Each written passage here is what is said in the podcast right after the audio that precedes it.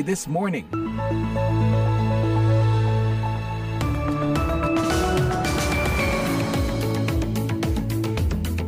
Hai, selamat pagi. Saya Sharon Sumolang kembali menemani pagi Anda di VOA This Morning, live dari Studio 17 di Washington DC.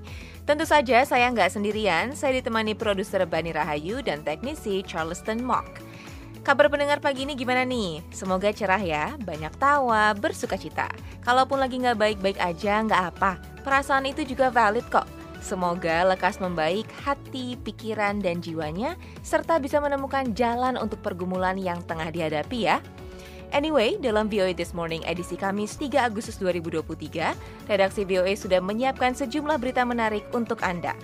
Ada soal dakwaan baru mantan Presiden Amerika Serikat Donald Trump. These are ridiculous indictments, and all they're doing is hoping for massive election interference. That's all they want to do. Ada pula berita soal kecaman organisasi masyarakat sipil terhadap penetapan status tersangka atas pemimpin pondok pesantren Al Zaitun, Panji Gumilang.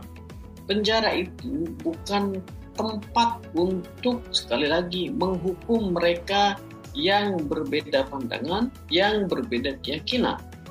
Pendengar, siaran ini juga bisa Anda simak secara live streaming di situs kami www.voaindonesia.com atau mampir ke podcast VOA This Morning di platform podcast langganan Anda.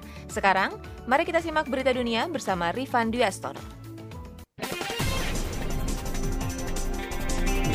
Inilah berita dunia VOA Washington. Mantan Wakil Presiden Amerika Serikat Mike Pence menanggapi pendakwaan terbaru mantan atasannya Donald Trump ketika berbicara kepada wartawan di pasar malam Indiana hari Rabu. Sadly, the president was surrounded by a group of crackpot lawyers that kept telling him what his itching ears wanted to hear. Pence menyalahkan pengacara-pengacara gila Trump yang disebutnya terus-menerus mengatakan kepadanya hal-hal yang ingin ia dengar. Pence sendiri memainkan peran sentral dalam dakwaan pidana ketiga yang dihadapi Trump dalam kaitannya dengan upaya Trump membatalkan hasil Pilpres 2020.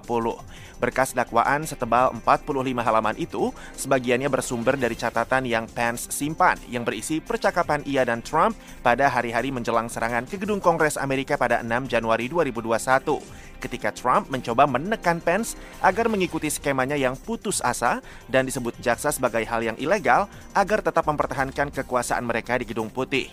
Pence berkeras bahwa sang mantan presiden meminta saya mendahulukannya dibanding konstitusi, tapi saya memilih konstitusi dan akan selalu demikian, kata Pence. Pelaku penembakan yang menerobos sebuah sinagog di jantung komunitas Yahudi di Pittsburgh dan membunuh 11 jemaat yang akan dihukum mati karena melancarkan serangan anti-Yahudi paling menelan banyak korban dalam sejarah Amerika Serikat. Robert Bowers mengunggah ujaran kebencian terhadap warga Yahudi dan mendukung keyakinan kelompok supremasi kulit putih di dunia maya sebelum secara metodis merencanakan dan melancarkan pembantaian di sinagog Tree of Life pada tahun 2018, di mana anggota dari tiga kongregasi sedang berkumpul untuk mengikuti ibadah dan belajar pada hari Sabat. Bowers, seorang sopir truk yang tinggal di pinggiran kota Baldwin, juga melukai dua jemaat dan lima polisi. Dewan Juri Federal pada hari Rabu memvonis bersalah pria berusia 50 tahun itu atas 63 dakwaan pidana. Dewan itu merekomendasikan agar ia dihukum mati atas serangan yang dilakukannya, yang dampaknya masih terus terasa hampir lima tahun kemudian. Hakim akan secara resmi menjatuhkan hukumannya nanti. Vonis mati itu adalah vonis mati pertama yang dijatuhkan pada masa pemerintahan Joe Biden yang dalam kampanye pilpresnya dulu berjanji akan mengakhiri hukuman mati.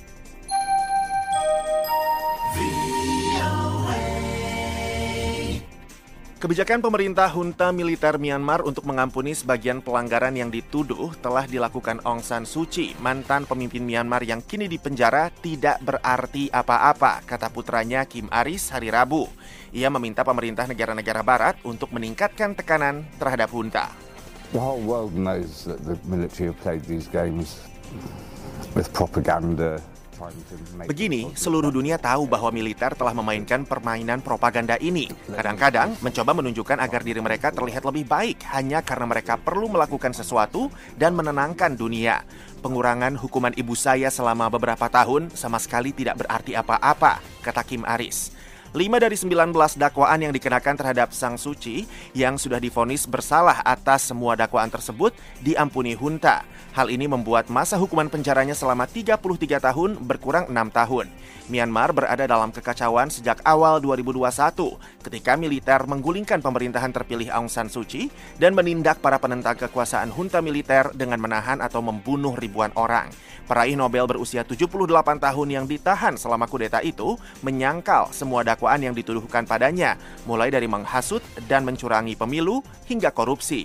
Ia pun mengajukan banding atas semua putusan tersebut. Perdana Menteri Kanada Justin Trudeau dan sang istri Sophie pada hari Rabu menyatakan bahwa mereka berpisah dalam sebuah pengumuman yang tak terduga yang mengakhiri pernikahan mereka selama 18 tahun.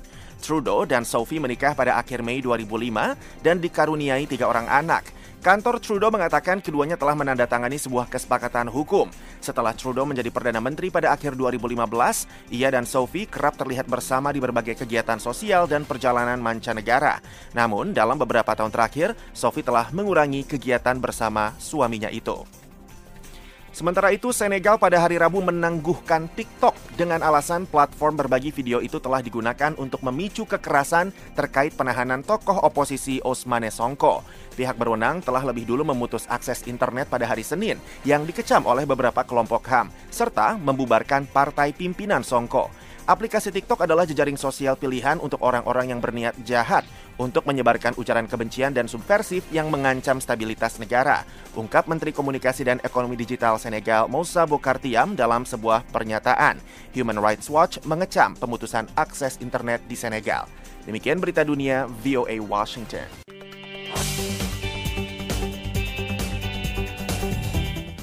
Bertolak belakang dengan perkiraan banyak pihak, mantan Presiden Amerika Serikat Donald Trump tetap unggul dibanding para pesaingnya di Partai Republik untuk meraih dominasi calon presiden partai itu, meskipun dikenai sejumlah dakwaan. Ia juga bahkan mendapat dukungan dari pesaing-pesaingnya, menyusul dakwaan yang dijatuhkan kepada Trump hari Selasa atas upayanya membatalkan hasil pemilu presiden tahun 2020, berbagai reaksi muncul dan berikut laporannya. The radical lunatic Democrats, they impeach me, they indict me, they rig our elections. And the Republicans just don't fight the way they're good people, but they don't fight the way they're supposed to fight. Pendengar suka atau tidak suka, mencintai atau membencinya, bagi banyak warga Amerika tampaknya tidak akan ada jalan tengah. Mantan presiden ini telah memutarbalikkan dakwaan federal yang serius demi keuntungan politiknya dengan mengklaim bahwa dakwaan itu bermotif politik. These are ridiculous indictments. And all they're doing is hoping for massive election interference. That's all they want to do. They want to damage the leading candidate, by the way, leading by far. Ini adalah dakwaan yang konyol, dan yang mereka lakukan hanyalah campur tangan besar-besaran dalam pemilu. Hanya itu yang ingin mereka lakukan. Mereka ingin menjatuhkan kandidat utama. Dari setiap dakwaan baru yang dikenakan, Trump justru mendapat dukungan dalam jajak pendapat dan memberinya keunggulan signifikan atas saingan-saingannya di Partai Republik untuk meraih nominasi. Yang mengejutkan, banyak mendukung Trump justru pesaingnya sendiri, termasuk Gubernur Florida Ron DeSantis, unggulan kedua di partai itu yang mengatakan ia setuju dengan pandangan Trump. Hal senada ditunjukkan beberapa tokoh Partai Republik di Kongres, antara lain Ketua DPR Kevin McCarthy. Mereka, Departemen Kehakiman Amerika Serikat, sepertinya mengejar siapa saja yang mencalonkan diri melawan presiden. Dan jika Anda unggul dalam jajak pendapat, kemungkinan besar Anda juga akan didakwa. Today, an indictment was unsealed. Anggota Partai Republik lainnya mengarahkan kemarahan mereka pada jaksa khusus Jack Smith yang memimpin penyelidikan yang kemudian menghasilkan dakwaan selasa lalu. Dakwaan itu difokuskan pada upaya Trump untuk mempertahankan kekuasaan setelah kalah dalam pemilu tahun 2020. Salah seorang pengecam sengit dari Partai Republik adalah anggota DPR Marjorie Taylor Greene. And and what Jack Smith is doing is is the weaponized government. Apa yang dilakukan Jack Smith adalah mempersenjatai pemerintah, ujar Greene, dan dia mempersenjatai Departemen Kehakiman untuk melawan Presiden Trump dengan kebohongan total tentang Trump dan peristiwa 6 Januari tambahnya. Menurut sejarawan di Universitas Texas, Jeremy Suri, dukungan ini mungkin demi keuntungan pribadi sang kandidat. The support that Trump is receiving from other Republican candidates Dukungan yang didapat Trump dari kandidat-kandidat Partai Republik dan dari para pemegang jabatan di Partai Republik itu berasal dari fakta bahwa sistem pemilihan pendahuluan Partai Republik adalah sistem yang kacau. Ini adalah sistem yang memberikan kesempatan pada sekelompok kecil anggota Partai Republik yang hadir dalam pemilihan pendahuluan ini, yang kadang-kadang berada di kaukus, kadang-kadang di tingkat pemilihan pendahuluan. Mereka datang, padahal mereka tidak mewakili partai itu. Tetapi mereka memberi suara yang penting dalam pemilihan pendahuluan dan menentukan siapa yang akan menjadi calon partai. Gedung Putih telah berulang kali mengatakan pihaknya tidak memiliki peran apa pun dalam masalah hukum Trump. Demikian laporan tim VOA.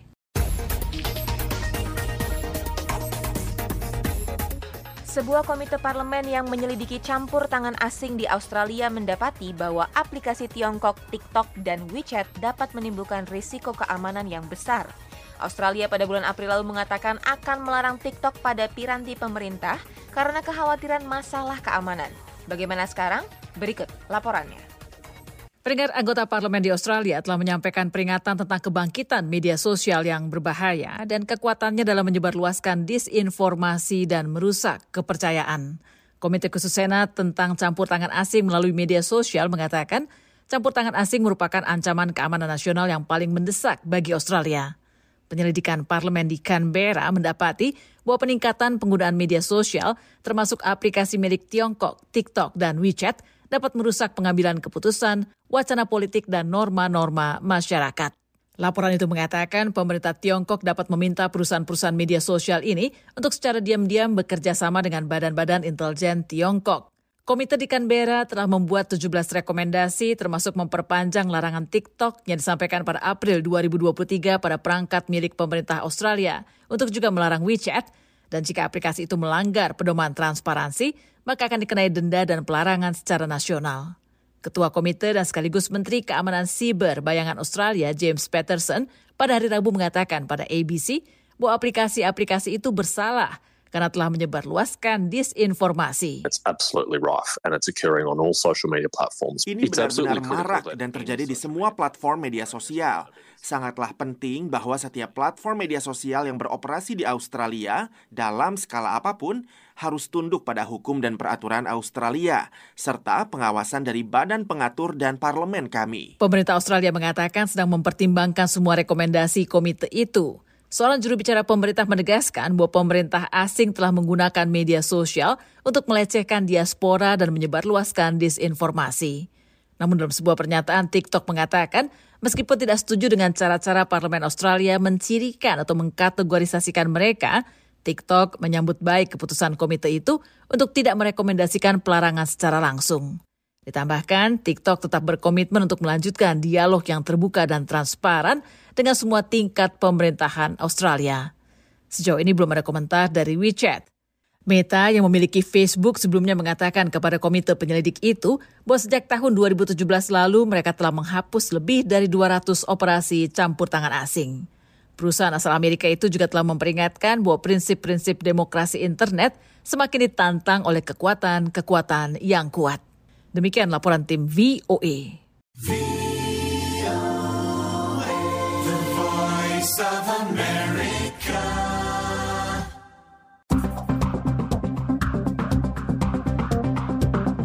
Sejumlah organisasi masyarakat sipil mengecam kepolisian Indonesia yang menetapkan Panji Gumilang sebagai tersangka penodaan agama. Sasmito Madrim menyampaikan laporannya dari Jakarta. Koordinator Program HAM Imparsial Anissa Yuda menilai penetapan tersangka dan penahanan Panji Gumilang bertentangan dengan prinsip kebebasan beragama yang dijamin konstitusi. Menurutnya penetapan tersebut dilakukan aparat karena tekanan massa yang berbeda pandangan dengan Panji Gumilang. Karena itu Anissa mengingatkan kembali kepada aparat penegak hukum agar berpegang pada prinsip demokrasi dan kebebasan beragama serta berpendapat. Juga semakin memperlihatkan bahwa negara malas berpikir uh, lebih jauh, tidak melihat uh, perspektif yang lebih luas gitu ya. Anissa mendorong pemerintah dan aparat penegak hukum mengedepankan pendekatan dialog dan prinsip toleransi antar umat beragama dalam merespon perbedaan pandangan keagamaan di masyarakat. Ini supaya konflik yang berpotensi merusak tatanan sosial di masyarakat dapat dihindari. Sementara itu, Direktur Riset Setara Institut Halili Hasan mengatakan, Presiden semestinya dapat menangani perbedaan pandangan keagamaan dengan lebih baik karena polisi dan kejaksaan berada dalam kewenangan eksekutif.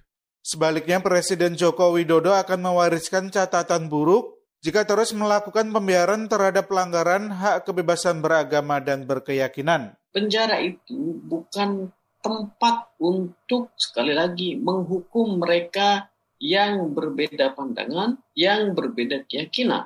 Penetapan Panji Gumilang sebagai tersangka menambah daftar panjang pelanggaran terhadap kebebasan beragama dan berkeyakinan pada masa pemerintahan Presiden Joko Widodo. Setara Institut mencatat hingga akhir 2022 telah terjadi 187 kasus penodaan agama. Sebanyak 122 kasus di antaranya terjadi dalam rentang tahun 2014 hingga 2022. Halili juga mengingatkan aparatur pemerintahan agar tidak tunduk pada fatwa Majelis Ulama Indonesia atau MUI yang secara legal bukanlah peraturan perundang-undangan. Ia juga mengingatkan bahwa PBB telah mendesak agar negara anggotanya menghapus hukum penodaan agama dari hukum nasional sebagai salah satu prasyarat negara demokrasi. Dari Jakarta, Sasmita Madri melaporkan untuk VOA Washington.